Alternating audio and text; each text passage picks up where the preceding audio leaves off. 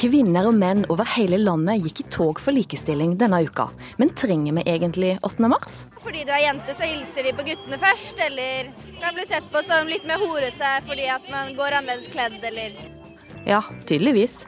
Ellen Arnstad og Petter Stordalen kommer for å ta likestillingspraten. Kan ei kvinne donere sine egne egg for å hjelpe ei annen kvinne til å bli gravid?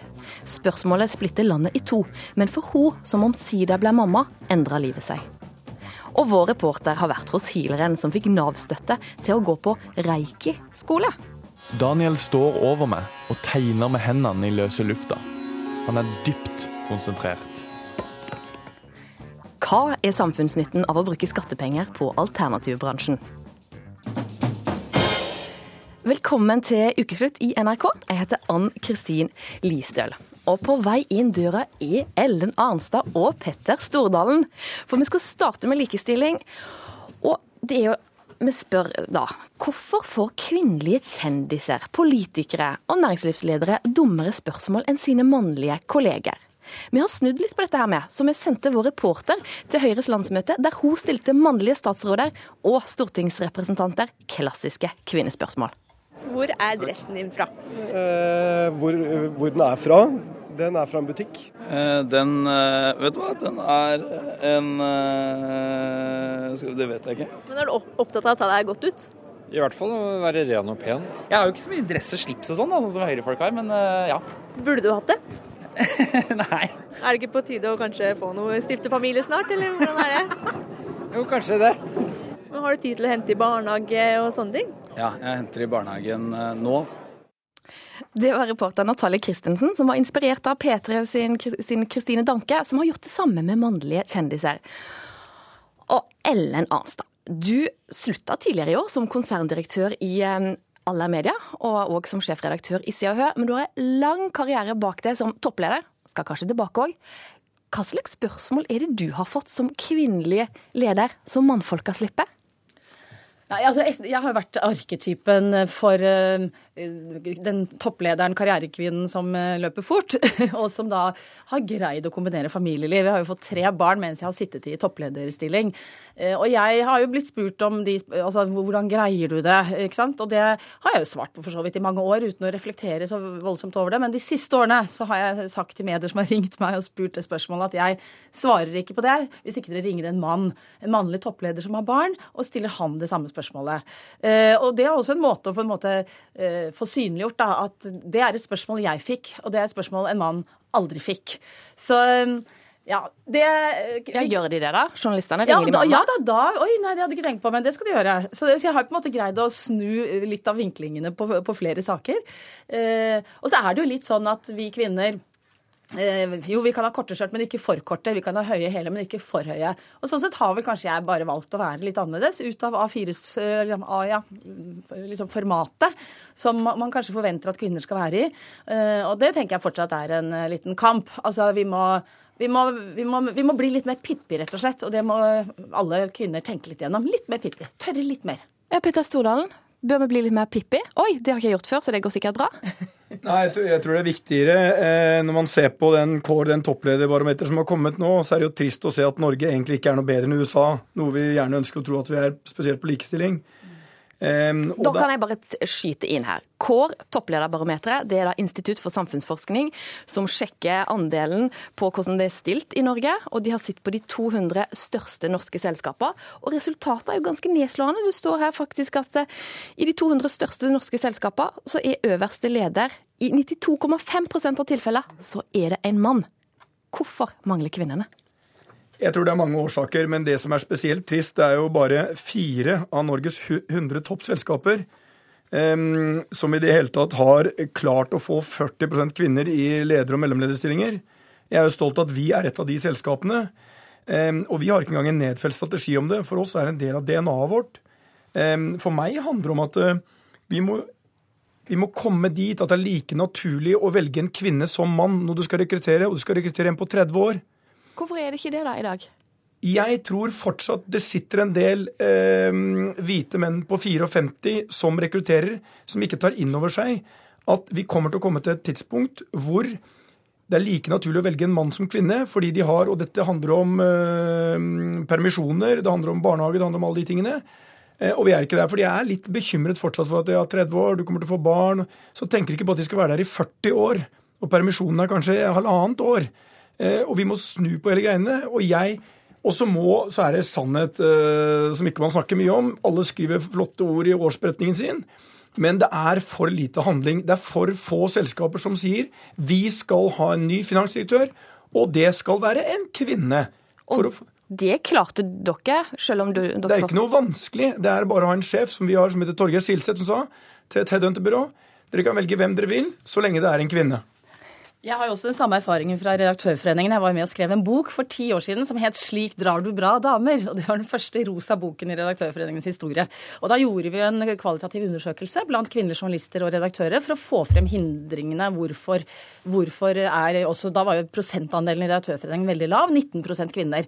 Og målet var kø på damedo på våre seminarer. Og ti år etter, i høst, så skrev vi en oppfølger nummer to.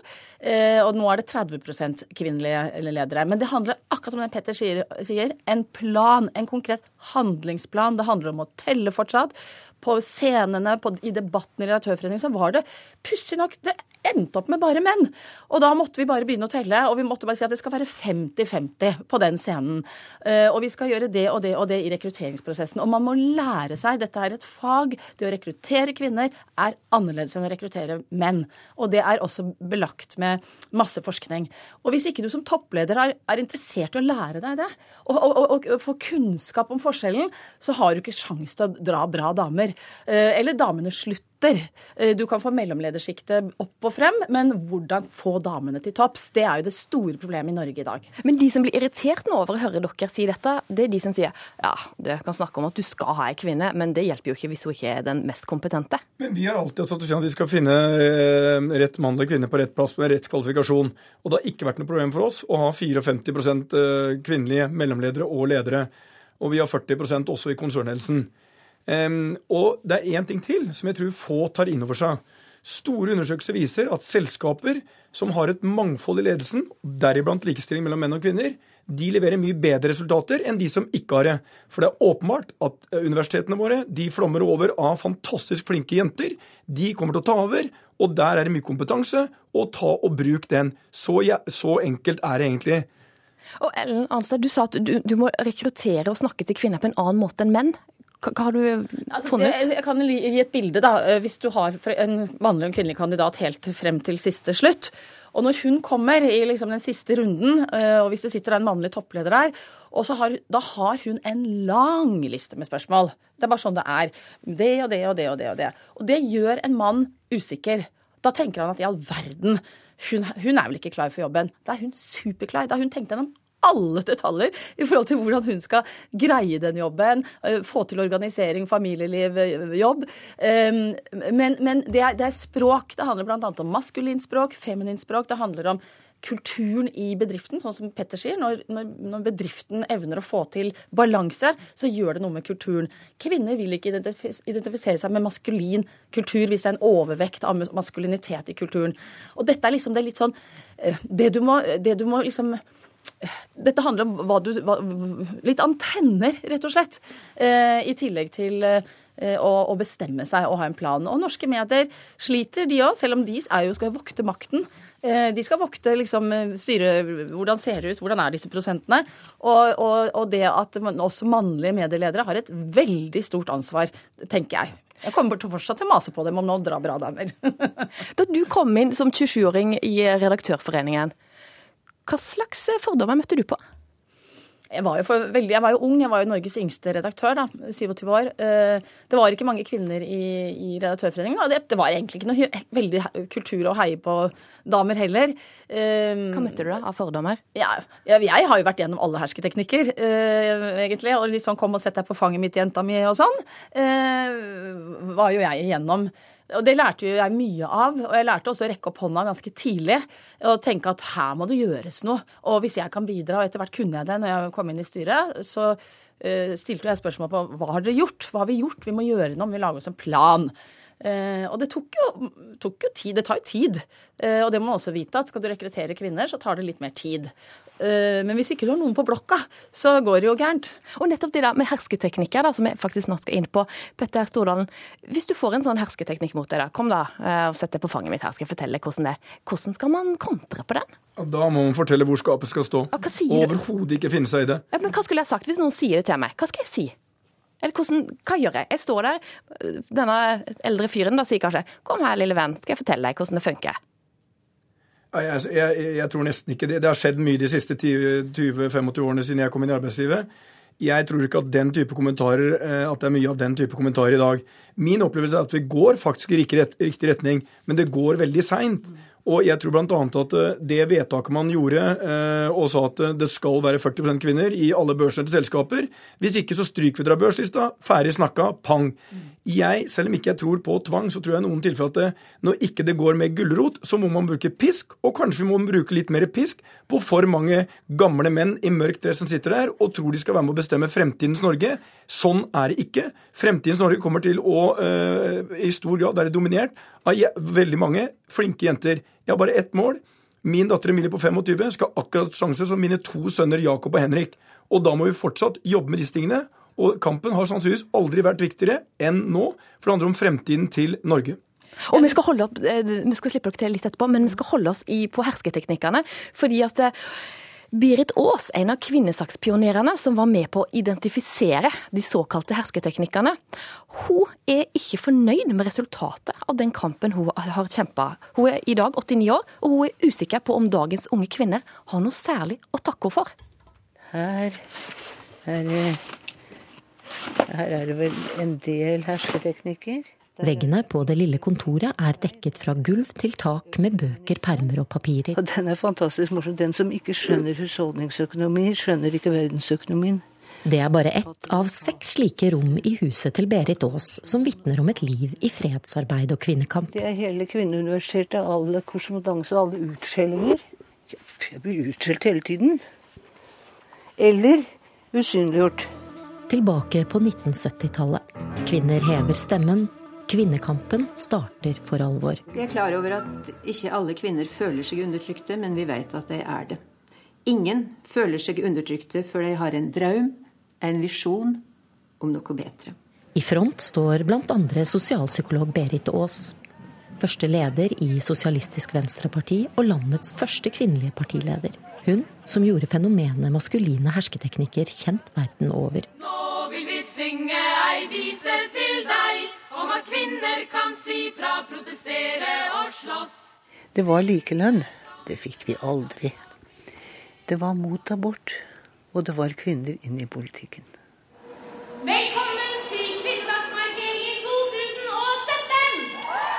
Det er 8. mars, og på Youngstorget i Oslo står kvinner og noen menn tett i tett.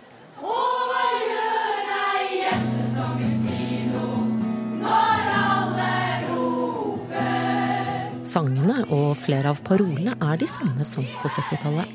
Snakk litt høyere! Med flagg i hendene står Frida Pannberg og Mathilde Holen, 16 år gamle og klare til kamp. Jeg er her for at eh, de kvinnene før oss tok en kamp, men nå er det vår tur til å kjempe den videre.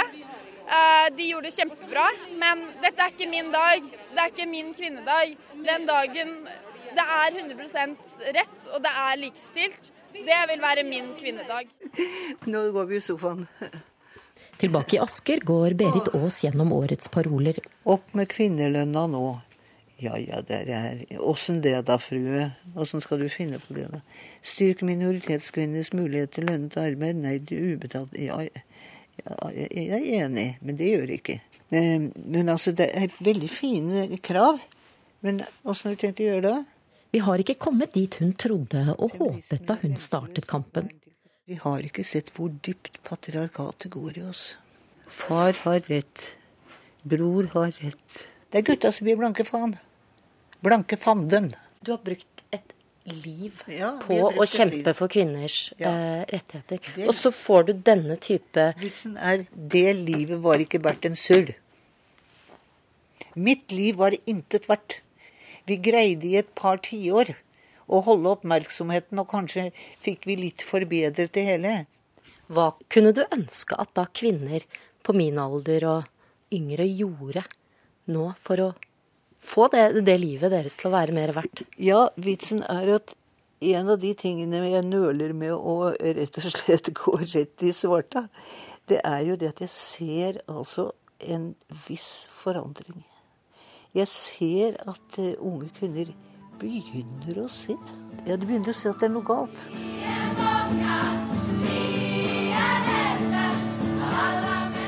Tilbake i toget. La fitta flagre. Nei til kosmetisk intimkirurgi, står det på et av bannerne. En problemstilling kvinnene på 70-tallet slapp å ta stilling til. Før var det kvinnens hjerne som var underlegen. Nå er det kvinnens kropp. Frida Panneberg og Mathilde Holen er lei av seksualisering og hersketeknikker. Ja, Det kan være i så små settinger som hvis du er ute med venner, så er det ikke alltid du blir hilst på. Fordi du er jente, så hilser de på guttene først. Eller kan bli sett på som litt mer horete fordi at man går annerledes kledd, eller Eh, Vi blir kalt ting. Vi tjener ikke like mye. Vi, eh, vi er ikke nok verdt da, i mange sine øyne, og det er ikke greit. Nå har vi biblioteket mitt hvor all kvinneforskningen er. Det er Berit Aas helt enig i. Snart 90 år gammel ser hun at mye er ugjort, og at noen ting til og med går i revers. Uten at det stanser henne. Det som er det aller viktigste i sånne krisetider, det er å gi folk håp. Og selv om det er svakt, så må man bare si der er det et lite håp. Kanskje vi kan gi det til folk, sånn at de får krefter til å fortsette. Ja. Du gir deg ikke, du? Nei, hvis jeg ikke dør en dag, da blir jeg veldig forbanna. Det var sterke ord fra Berit Aas til reporter Åsa Vartdal. Og Ellen Arnstad, mitt liv var intet verdt. Ja, Det var sterkt å høre. Hun er jo en, eh, en av mine rollemodeller, så absolutt. Eh, og det er klart at eh, det er veldig bra med de unge stemmene nå. Jeg tror også sosiale medier og det at man kan ytre seg i, feminismen. altså Feminismen har mange ansikt. Og jeg ble jo Gucci-feminist i sin tid og er stolt av det. Eh, At ikke noen eier feminismens eh, si, budskap eller drakt. Eh, Så det er klart det å oppmuntre unge kvinner til å, å ytre seg i forhold til ja, disse unge jentene dere intervjuet, er jo veldig veldig viktig.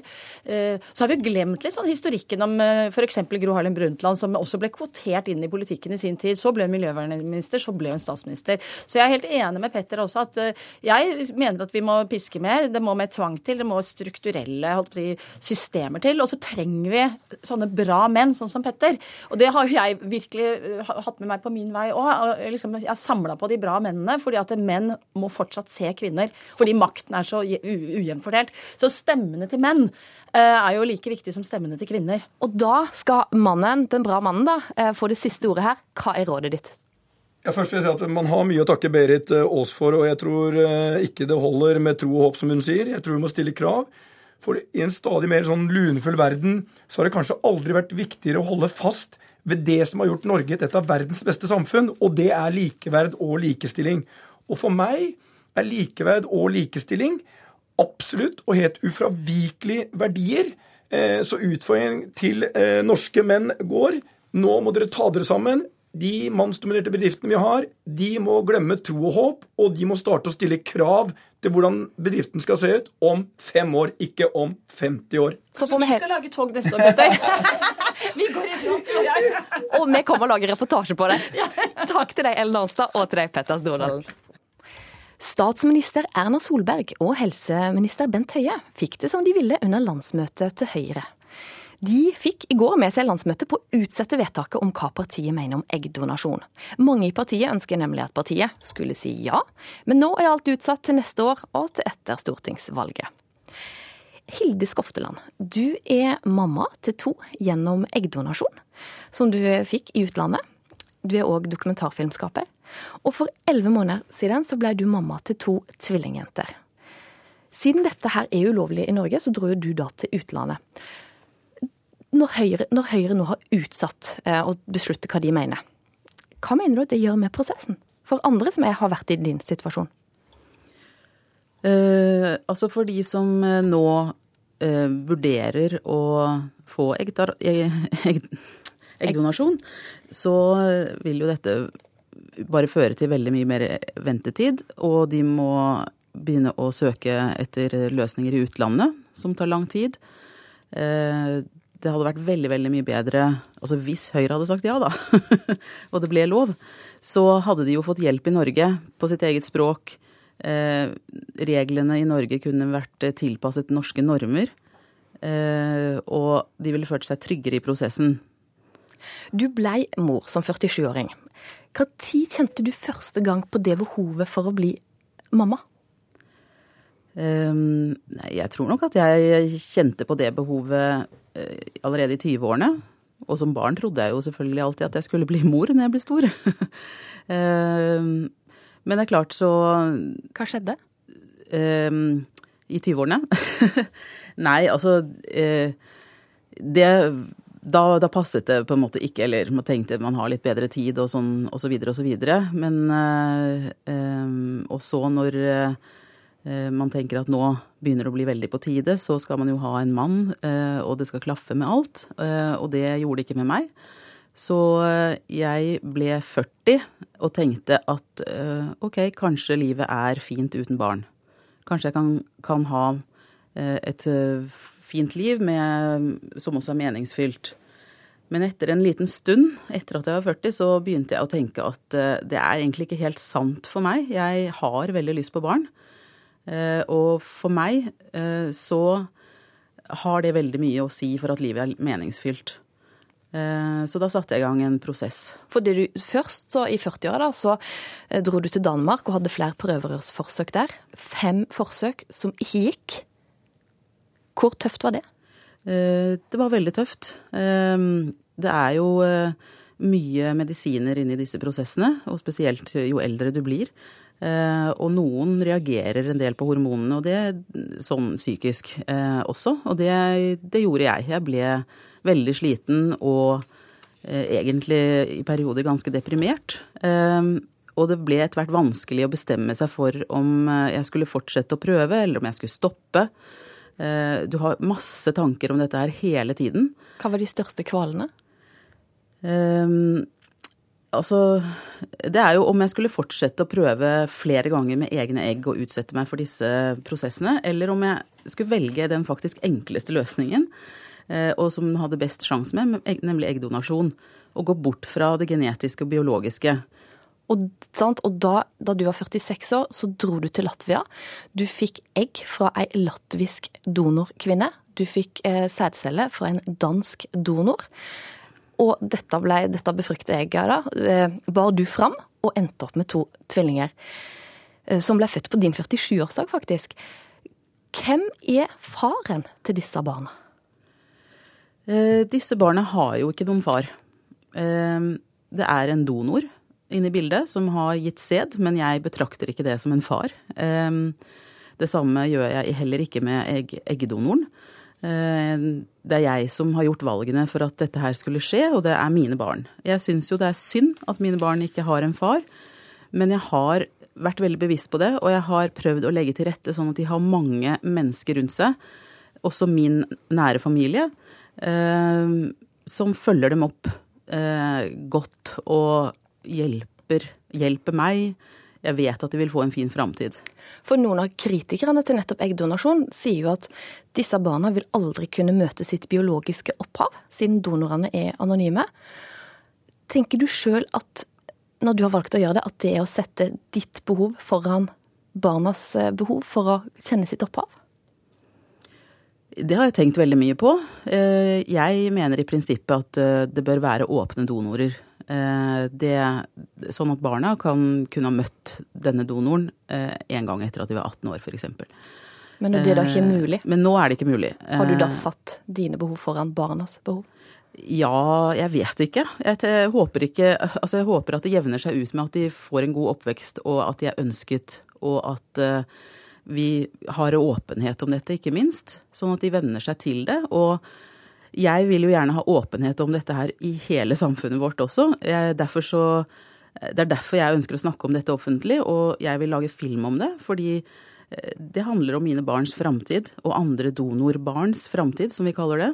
Eh, det er veldig viktig at de blir godt mottatt i helsevesenet, på skoler, eh, blant venner, overalt. At dette ikke er så mystisk. Og så livet Hvordan er livet ditt nå, etter at du fikk barn, kontra det livet før? Mitt liv er veldig, veldig mye bedre. Jeg, eh, for meg var dette veldig riktig. Jeg eh, har det veldig bra nå, og tenker at dette var perfekt for meg, eh, og egentlig også min psykiske helse. Hilde Skofteland, tusen takk for at du kom hit til Ukeslutt. For noen er det årets høydepunkt. For andre er det kanskje grunnen til å bare slå av hele TV-en og iallfall ikke følge noe på nett. Enten du elsker det eller hater det, i kveld er det den norske Melodi Grand Prix-finalen. Og bare tre ganger har Norge gått til topps i den internasjonale finalen. Sist med Alexander Rybak og Fairytale. Vi har derimot fått sisteplassen mange ganger, og vi har òg endt opp med null poeng flere ganger. Så reporter Natalie Kristiansen, du er eh, på Oslo Spektrum. Hvordan er nervene der nede nå? Ja, det var det, da. Jeg står her i Oslo Spektrum ja, med Åge Steen Nilsen, som har deltatt et par ganger før her. Hvordan er egentlig nervene? Du, nå er jeg veldig rolig. Eh, Det har vært eh, mye stress og mye styr resten av uka. Og det er ikke nødvendigvis bare pga. det her, men det er jo vi har holdt på med noe ny skive som skal ut, og noen eh, plateselskaper og noe styreorden. Så det, det er mye, mye greier med å holde på med band. så i dag så er det egentlig bare sånn kosedag sammen med masse herlige artister. og skal på scenen her i Spektrum og forhåpentligvis spille låta flere ganger. Kommer opp på dere der hjemme. Må stemme på rock i MGP. Men det er jo noe med det at eh, Norge er litt kjent for å ikke alltid gjøre det så veldig bra i Melodi Grand Prix eller Eurovision, da, Mhm. internasjonale finalen. Hva tenker du om det? Hva skal til i år for å gjøre det bra? Ammunition har én slogan. We are gonna make Eurovision great again. Ja, hvordan da? Vi har tatt den fra Trump, da. Nei, hvordan da? Jo, vi må ut i Europa og, og rocke europeerne. Jeg tror, eh, tror de er klare for noe annet enn EDM og um, vanlige pop, eh, popmusikken som har blitt kjørt nå i, åretall. Så la oss ta europeerne litt på senga med en eh, knusende kul rockelåt. Altså, det var vel i 2005 du var i finalen med Vigvam? Ja, og da, da var slogan 'Let's make a rock and roll revolution'. Og det ble jo en rock and roll revolution i Kiev. Jeg husker jo det var jo eh, Vi fikk ganske mye oppmerksomhet der nede fordi at vi var litt eh, annerledes enn alle de andre eh, deltakerne. Året etter så kom jo Lordi og masse andre rockeband. Så vi starta en trend. Eh, det er nå tolv år siden, så eh, Hvor lyst har du til å dra tilbake til Kiev i år igjen? Nei, Med tanke på den politiske situasjonen, så er det kanskje ikke noen av oss som har så veldig lyst til å dra til Kiev. Men jeg vet jo at Kiev er en fantastisk by, og eh, at det vil være rolig der. Jeg har pratet med ganske mange ukrainere allerede. Jeg var i Miami nå og traff på en del ukrainere der nede og pratet litt bl.a. blant annet om, eh, om situasjonen der nede. Han nevnte Eurovision. Og, og er det ett sted det ikke kommer til å bli bråk, så er det jo Kiev. Jeg tror ikke vi skal dra så langt ut på land, landsbygda hvis vi kommer dit ned. Men du, Det er jo en litt annen stemmeordning i år, med en internasjonal jury som kan være med å velge ut de fire til gullfinalen. Ja. Eh, og Det har vært to ganger tidligere, og da har jo Norge vunnet Eurovision. Hva tror du om det? kan være et sjakktrekk. Eh, men sånn for min del, altså, jeg tenker ikke så veldig mye på den selve konkurransen. Altså, jeg driver ikke med sport, jeg holder på med rock'n'roll, jeg holder på med musikk og underholdning. Og så får det liksom den stemmegreia, og det, det får eh, det får bli hva det blir. Eh, og så får vi bare tenke at det er en bonus hvis vi blir sendt videre til, eh, til Kiev og får lov til å representere Norge. Vi har jo et, et par svensker med i banen òg, som kan være med på å kanskje gi oss svenske stemmer. Så eh, vi håper jo at vi får den, får den lille bonusen, den lille prikken over i-en. Men så langt så er jo mission completed. Altså, vi har jo vi har jo virkelig fått fortalt det norske folk at det finnes et band som heter Ammunition. Og det var litt av hovedgrunnen til at vi takka ja til å være med. Eh, så folk vet at, eh, at vi har et band som heter Ammunition, som har et album ute. Og, og ikke minst at vi er rundt omkring og spiller. Allerede til helga etter Grand Prix står vi på Union scene i Drammen. Eh, til har han et sånt- Har han et sånt rituale han må gjøre før han går på, på scenen? Ann-Kristin er i studio og lurer på om, om du har noe ritual du må gjøre før du skal på scenen?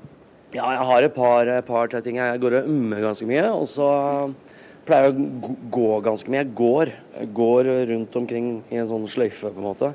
Bare går og går og går, og så summer. Akkurat som man driver og bygger opp eh, Bygger opp eh, energi. Liksom, og man setter seg sjøl i det moduset. Før det hjelper, eller? før så kunne jeg knerte en flaske konjakk først, men jeg har slutta med det. Så nå er det mer at man eh, bygger seg opp med, med naturlig eh, adrenalin, altså. Så får vi se da hvem som eh, vinner i kveld, om det blir Åge Steen Nilsen med Ammunition eller hvem andre som drar til finalen i Kiev. Uansett så blir det en festkveld. Så, så får vi se da om det blir å gjøre Make Your Vision Great Again i litt sånn Trump-ånd. Bli med videre i sendinga og møt ventilasjonsarbeideren Daniel André Lystad, som fikk Nav-støtte for å omskolere seg til healer. Og har vi glemt lekens betydning i barneåra? Jeg klarte det! Jeg klarte det! Jeg klarte det! Filmskaper Margaret Olin spør om lek og undring drukner i læringspress, og møter kunnskapsministeren til debatt.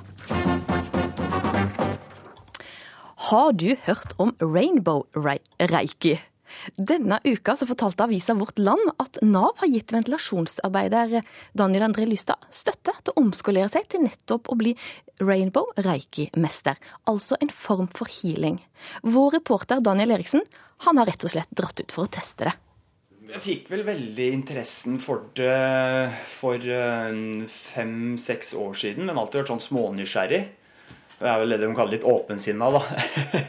Daniel André Lystad er nok en av de mest åpensinna menneskene som bor i Mysen i Østfold. Selvfølgelig. Nå skal Daniel fortelle hvordan å ha et åpent sinn forandrer livet hans. Men det begynner litt trist. Det som har vært, er vel at jeg har jobba med ventilasjon i tolv år. Og, men jeg pådro meg et eh, kompresjonsbrudd i ryggen i var det 2008 eller 2009, ja. Og pluss at jeg jobba veldig mye. Veldig mye stress. Hadde veldig mange jobber pågående samtidig. Og det blei for mye, så jeg møtte rett og slett veggen og blei skikkelig sjuk. Daniel fikk behandling hos lege, men ryggen ble bare verre. Så han dro på alternativmessa og fant det han leita etter. Rainbow Reiki. Så da ble det tilbudt å være med på et uh, seminar som hun skulle ha der sånn, og vi skulle få lov å oppleve en spontanhealing. Og så ble jeg trukket ut til å ta den spontanhealinga, fordi jeg hatt så mye problemer med hoftene mine. Og da måtte jeg legge meg ned på en benk, og det var sånn, han tok ikke på meg. Og da merka jeg etterpå at når jeg gikk, så kjente jeg kjempeforskjell. Jeg bare wow, jeg har ikke vært så bevegelig bak i korsryggen noen gang. Hva er det her for noe? det her for noe heter reiki, et japansk uttrykk som betyr spirituell livsenergi. Det er dette, blanda med litt sjamanisme, feng shui og meditasjon, som er rainbow reiki. Da Daniel oppdaga dette, søkte han til Nav om å få støtte til å bli en reiki-mester. En utdannelse som koster 80 000 kroner. Og fikk ja. Så det er litt morsomt. Jeg kan vise deg her. Ja. For jeg har gjort et forsøk, eksperiment, på det her. Ok. Mens Daniel går inn på massasjerommet for å hente litt håndfast bevis, skal jeg snakke med en annen person som er veldig opptatt av håndfast bevis.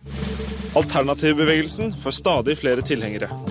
Vi mennesker har alltid søkt sammenhenger, men i jakten på sannhet tar hjernen ofte feil. Andreas Wahl har gjennom tre sesonger av TV-programmet Folkeopplysningen vist oss at nordmenn tror på mye rart uten å ha bevisene i orden. Alternativ medisin eh, er jo en paraply for de eh, behandlingsmåtene som vi ikke har funnet noen påviselig effekt av, utover placebo. Ehm, så hadde noen av disse behandlingene fungert, så burde vi kalt dem medisin. Wahl undersøkte alternativbransjen innen første sesongen av Folkeopplysninga, og ble ikke imponert over det han fant. Så hva sier han om rainbow reiki-healinga som Daniel har fått Nav-støtte til? Healere snakker jo ofte om å kanalisere energi. Det finnes det ikke noe grunnlag for i vitenskapen. Altså, vi har ikke noen måte å, å, å, kunne beskrive det eller fange det opp eller vise at det er der. eller noe sånt. Og også når man putter, eh, ber healere om å vurdere eh, auraen eller energien til samme person, så vil de si helt forskjellige ting om det samme. Så de er ikke enige seg imellom heller om, om hva det er for noe. Så hva syns du, Val? Burde Nav gi Daniel penger til å omskoleres til Rainbow Reiki-mester? Jeg syns det er fint at folk skal komme tilbake i arbeid, det er jeg jo tilhenger av. Eh, og så blir det jo mer et spørsmål om, om eh, Nav skal eh, få folk tilbake i arbeid for enhver pris, da, eller om det det folk da skal jobbe med skal ha samfunnsnytte, om det skal være nyttig for samfunnet. For da mener jeg at det kanskje er andre utdanninger som vil gi mer. Det første vi kan sjekke, da, her som det er om eh, hoftene dine, er rette. Okay. Men nå er det endelig min tur til å prøve rainbow reiki. Daniel begynner med å sjekke om hoftene mine er rette. Åpen sinn. Nå kjenner du at uh, tomlene mine går rett mot hverandre, du ikke har flyttet hånda. Så setter du deg opp 90 grader, rett opp. Han holder meg rundt anklene mens jeg setter meg opp. Den ene hånda hans glir litt lenger ned enn den andre i prosessen, og konklusjonen er at jeg har skeivt bekken. Ja, der ser du. Så nå kan jeg rette opp den der. Så hvis du legger deg ned Okay, skal jeg ligge helt rolig, du. Så skal jeg ta deg her på en gang og bare slappe av. Jeg legger meg ned, lukker øynene og lar lavendelduften fylle nesa mi.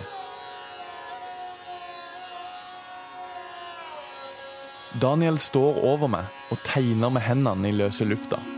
Han er dypt konsentrert.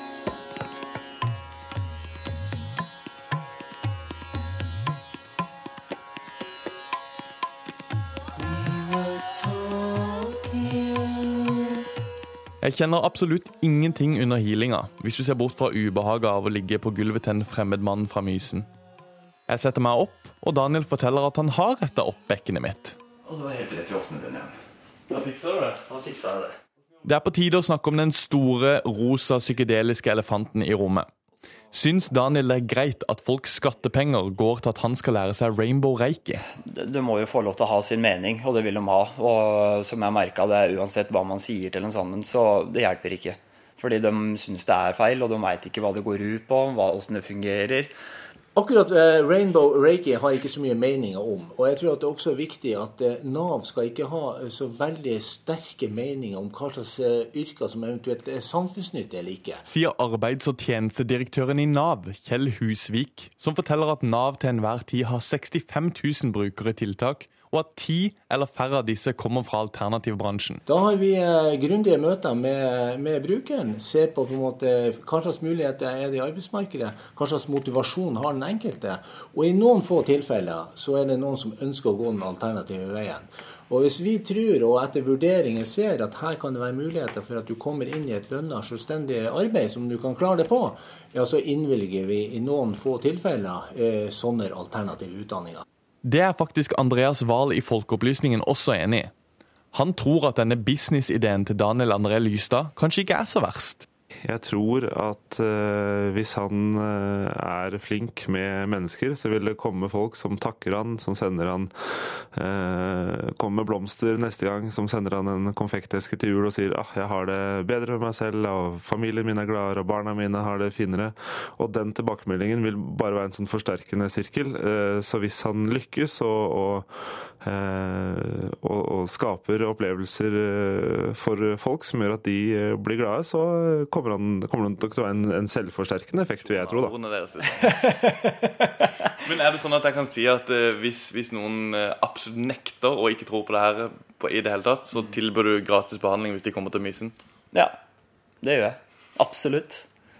Med hånda på hjertet. hånda på energipunktet. Ja. det var reporter Daniel Eriksen. Det er 20 år siden politikerne bestemte at barn skulle begynne på skolen det året de fyller seks år, og ikke det året de fyller sju. Var det riktig? Det filmskapet er Margaret Olin usikker på.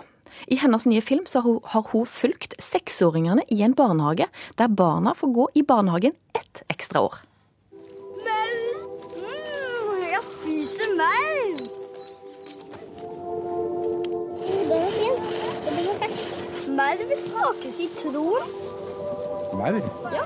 Har du spist merv? Dette var det et lydkutt fra din nye film, Margrethe Olin, filmskaper. Hvorfor er du usikker på om det var riktig å la barna begynne på skolen tidligere? Barna ble fratatt leken. Landets politikere lovte landets foreldre at leken skulle med inn i skolen, og sånn ble ikke det. Eh, og når reformer innføres, så er det noen ganger at man glemmer å se på de det virkelig handler om, i dette tilfellet barna, og at man ikke da tok høyde for eh, en lovmessighet i barnets alder. Og da må vi se på seksåringen, hvem seksåringen er. Eh, tidlig i denne filmen så er det en plakat som sier at det sjette leveåret er kongeår i barndommen. Jeg skal bare si om filmen at I filmen din så følger du da seksåringene i en Steinar barnehage på Nesodden. Ja, og så skal du få fortelle videre. ja. Kongeår i, barn, eh, i barndommen. Erfarne pedagoger omtaler det som det.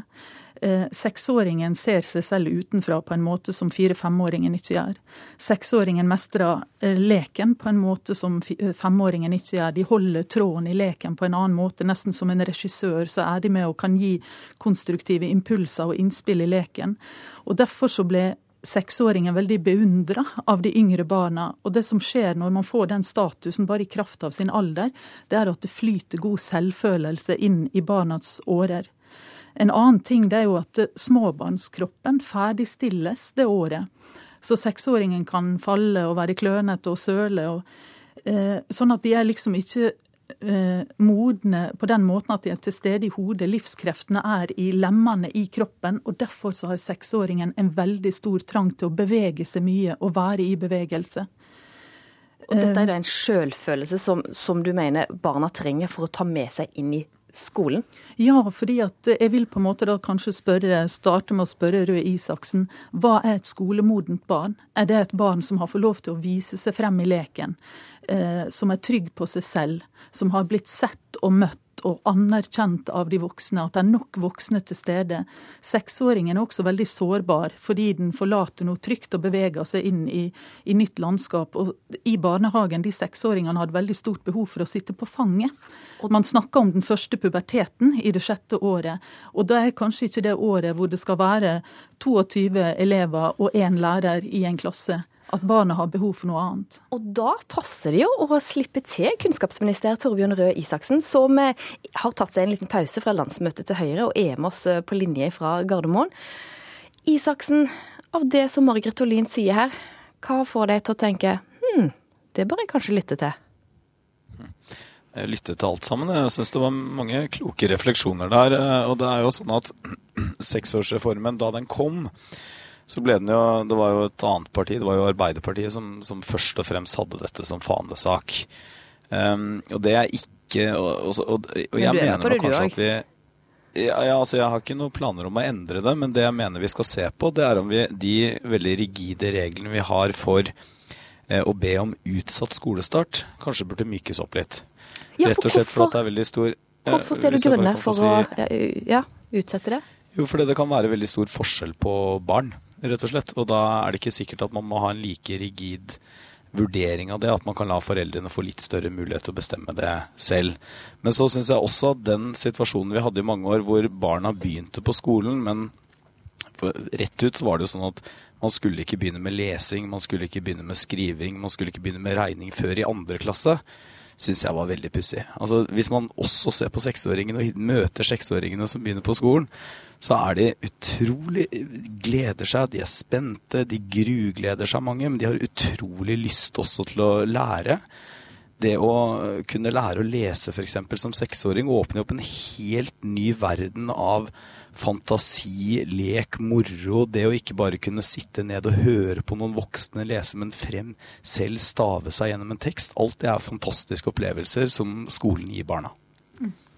Ja, jeg har lyst til å henge med på det første du sa der, eh, eh, Røe Isaksen. Og det er det med at eh, ikke alle barn kanskje er skolemodne. Nå deltok du i når, når de er seks år. Deltok du i debatten på NRK forrige uke hvor man snakka om de guttene som faller gjennom i skolen? Vi har sett en voldsom økning i barn, og særlig gutter, som blir gitt ADHD-diagnoser. Eh, FNs barnekomité har påpekt det for Norge, den utstrakte bruken av Ritalin. Og dette er alvorlige ting. at Du sa også en annen ting i debatten som jeg beit meg merke i, og det var at vi, at vi ikke har en skole som er tilpassa alle. Og at og at du foreslår at praktisk yrkesretta fag inn i ungdomsskolen. Kommer du til å følge opp det? Kommer du til å sørge for at vi har en skole som er tilpassa alle? Svar på det, du. Ja, altså, jeg, jeg kommer, til å, kommer, til å, følge opp det. Både dette med et praktisk yrkesretta fag i ungdomsskolen, og så skal, betyr jo det også at vi skal ha et praktisk retta eh, håndverksfag som vi jo har, del, altså kunst- og håndverksfaget som vi har i skolen i dag. Så har vi akkurat nå en av tingene som står i Høyres nye program, det er at vi er eh, positive til flere av den type eh, alternative opplæringsarenaer som, som, det ofte kalles. Altså at for en del elever så er det sånn at det å kunne ha en litt annen skolehverdag eh, det er måten å komme seg gjennom skoling på. Så skal vi ikke ha lavere forventninger til hva de elevene skal lære. Vi skal ikke ha lavere forventninger til at de skal få det samme utbyttet av å gå på skolen som alle andre. Men mange elever må lære på en litt annen måte. Men, men, men jeg tror også en viktig nøkkel her er at vi, vi, klarer ikke å gripe fatt i mange elever tidlig nok. Og det vi vet er f.eks. så har Senter for, lese for, for leseforskning i Stavanger gjort en undersøkelse som sier at hvis du hvis du tar en elev med store språkproblemer, språkvansker, i første klasse setter inn tiltak, så er det 80% sjanse for at du klarer å løfte henne opp til samme nivå som klassekameratene. Hvis du venter til femte klasse, så synker det fra 80 til 15-20% Og det sier noe om at vi kan ikke bare lene oss tilbake heller. Vi er nødt til å faktisk som voksne og som samfunn gå inn for å hjelpe de barna som trenger ekstra støtte. Og derfor Isaksen, mener du at det kan være nyttig å måle en del ting for å finne ut om noen faller fra? Eller ikke har god nok utvikling? Ja, ja, ja. Ja, jeg, jeg, mener det er viktig.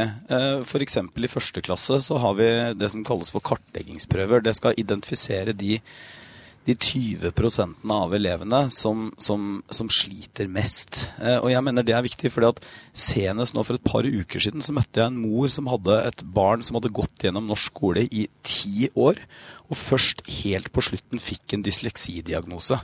Eh, og den, den, type historier er jo ikke unike. Det skjer altfor ofte at barn går gjennom år etter år i skolen uten at vi egentlig oppdager eller klarer å, å sette fingeren på og klarer å sette inn tiltak for å hjelpe dem. Ja, og Margrethe Olin, er ikke det et spørsmål tilbake til deg? da? Hvis, mm, hvis, for du er litt skeptisk til måling og testing, men kan man ikke gå glipp av å fange opp barn som sliter? Det er veldig generelt å si at jeg er skeptisk til det. Eh, man ser nå at i barnehagene så er det eh, kartleggingsverktøy har kommet sterkere inn. Og jeg er redd for at man da eh, leter etter avvik som egentlig ikke er avvik. Fordi barn modnes i forskjellig tempo. Det er helt naturlig. Hva slags eh, avvik tenker du på, da? Nei, altså, da, eh, Det finnes jo da sånne standardiserte målingsverktøy der man i en gitt alder skal kunne det og det og det. Mens noen barn utvikler andre områder. Noen kan være liksom veldig til stede i hodet sitt, men kanskje ikke evne å knyte skoene sine eller kle på seg. Eh, sånn at det handler om hva vi ser på. Men jeg har lyst til å spørre det eh, Har du sett filmen 'Barndom'? Har du sett filmen Nei, 'Barndom'? Jeg, jeg, har ikke, jeg, har ikke, fått sett den ennå. Jeg har ikke det. Nei, men, kan jeg få kommentere bare to korte ting til det du sa? Du skal få kommentere Fordi, til slutt. Eh, ja, ja, for, for det, eh, disse kartleggingsverktøyene de må selvfølgelig brukes med omhu. og Det er ingen som mener at man skal ikke bruke det på alle barn. Men jeg har fått presentert i barnehagen hvor datteren min går i f.eks. Hvordan er det de bruker det? Jo, det er hvis de er ekstra bekymret for noen elever basert på sitt faglige skjønn, så bruker de da dette kartleggingsverktøyet for å rett og slett systematisere bekymringene sine. Eh, og det mener jeg er bra, så lenge vi da klarer å følge opp med tiltak, eh, tiltak etterpå. Eh, og det andre det er at hvis du spør f.eks. en organisasjon som Dysleksi Norge, som da er for foreldre og, og i og for seg barn og ungdommer også, som har store eller milde lese- og skrivevansker, så er deres største bekymring er ikke at vi kartlegger for mye, men at for mange barn blir fanget opp for sent. Mm. Men det jeg er opptatt av, det er at uh, egentlig så burde du gå tilbake til landsmøtet nå, og så burde du si at leken burde være en del av grunnskolens formålsparagraf. Det er den jo ikke. Og hvis du tar deg tid til å se denne filmen, så vil du se seksåringer i frilek. I den leken som bør beskyttes i rammeplanen. Den leken som er indrestyrt. Den leken som kommer fra barnet selv. Når barn eh, deler et indre scenario, når barn er i flytsonen, den lyttende leken hvor barnet eh, eh, intuitivt skifter synsvinkel og lærer seg empati. Hvor barnets skapende krefter og fantasikrefter slippes til. Um, og det er eh, det læringstrykket eh, som er overfor eh, førsteklassene på skolen. Barnehagelærere som oppgir at vi har ikke tid til den frie leken fordi det er for mange prosjekt i barnehagene som de skal innføre. Og Høyre er jo opptatt av innovasjon, og Høyre er jo opptatt av å skape nye arbeidsplasser. Og jeg tror at det å slippe frem de skapende kreftene i barnet Og da lar vi Isaksen til slutt få svare på dette. Ja, må se, du må men, se filmen. Altså, jeg, ja, jeg, skal, jeg, skal, gjerne se filmen, men jeg har også en, en hverdag med to små barn som skal Ja, ja, det er nå én ting, men jeg har også en hverdag med to små barn som skal gå i hop. Eh, og da må jeg prioritere hardt. Men jeg skal, kommer helt sikkert til å se filmen eh, en dag. Men eh, jeg er ikke enig med deg at vi skal ha lek inn i, i læreplanen i skolen på den måten du beskriver. Jeg mener at det er helt naturlig at når en seksåring kommer på skolen, og en syvåring, en åtteåring, så er det mye lek i læringen. Og det er det jeg ser rundt på alle barneskoler når jeg møter førsteklassinger og andreklassinger. Og så er jeg opptatt av at i barnehagen så skriver vi inn i grunnloven til barnehagen at leken skal beskyttes, og at leken er helt avgjørende. Det betyr ikke at de voksne skal trekke seg tilbake. Det betyr ikke at det ikke kan være det man på fagspråket av og til kaller vokseninitierte aktiviteter.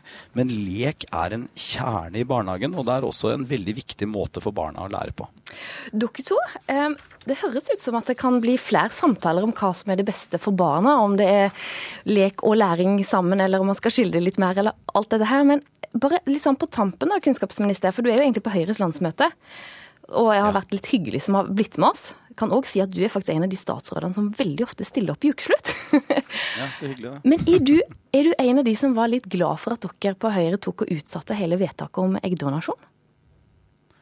Uh, ja, altså jeg mener at uh, jeg synes det er et godt argument at man må se det i sammenheng med hele, alle spørsmålene rundt gen- og bioteknologi, som er, som er, rett og slett spørsmål som i siste instans handler om uh, skal teknologien styre alene, eller må vi ha noen etiske rammer også rundt utviklingen? Ja, Så du syntes det var helt greit å utsette det? Ja, jeg syns det. Jeg stemte for det. Ja.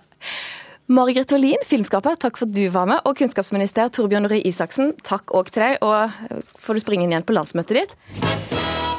Denne sendinga går mot slutten, og Jaren Ree Mikkelsen har vært ansvarlig. Teknisk ansvarlig har vært Eli Kirkebø. Jeg heter Ann Kristin Listøl, og vi i Ukesluttredaksjonen ønsker deg ei strålende fin helg. Ha det bra.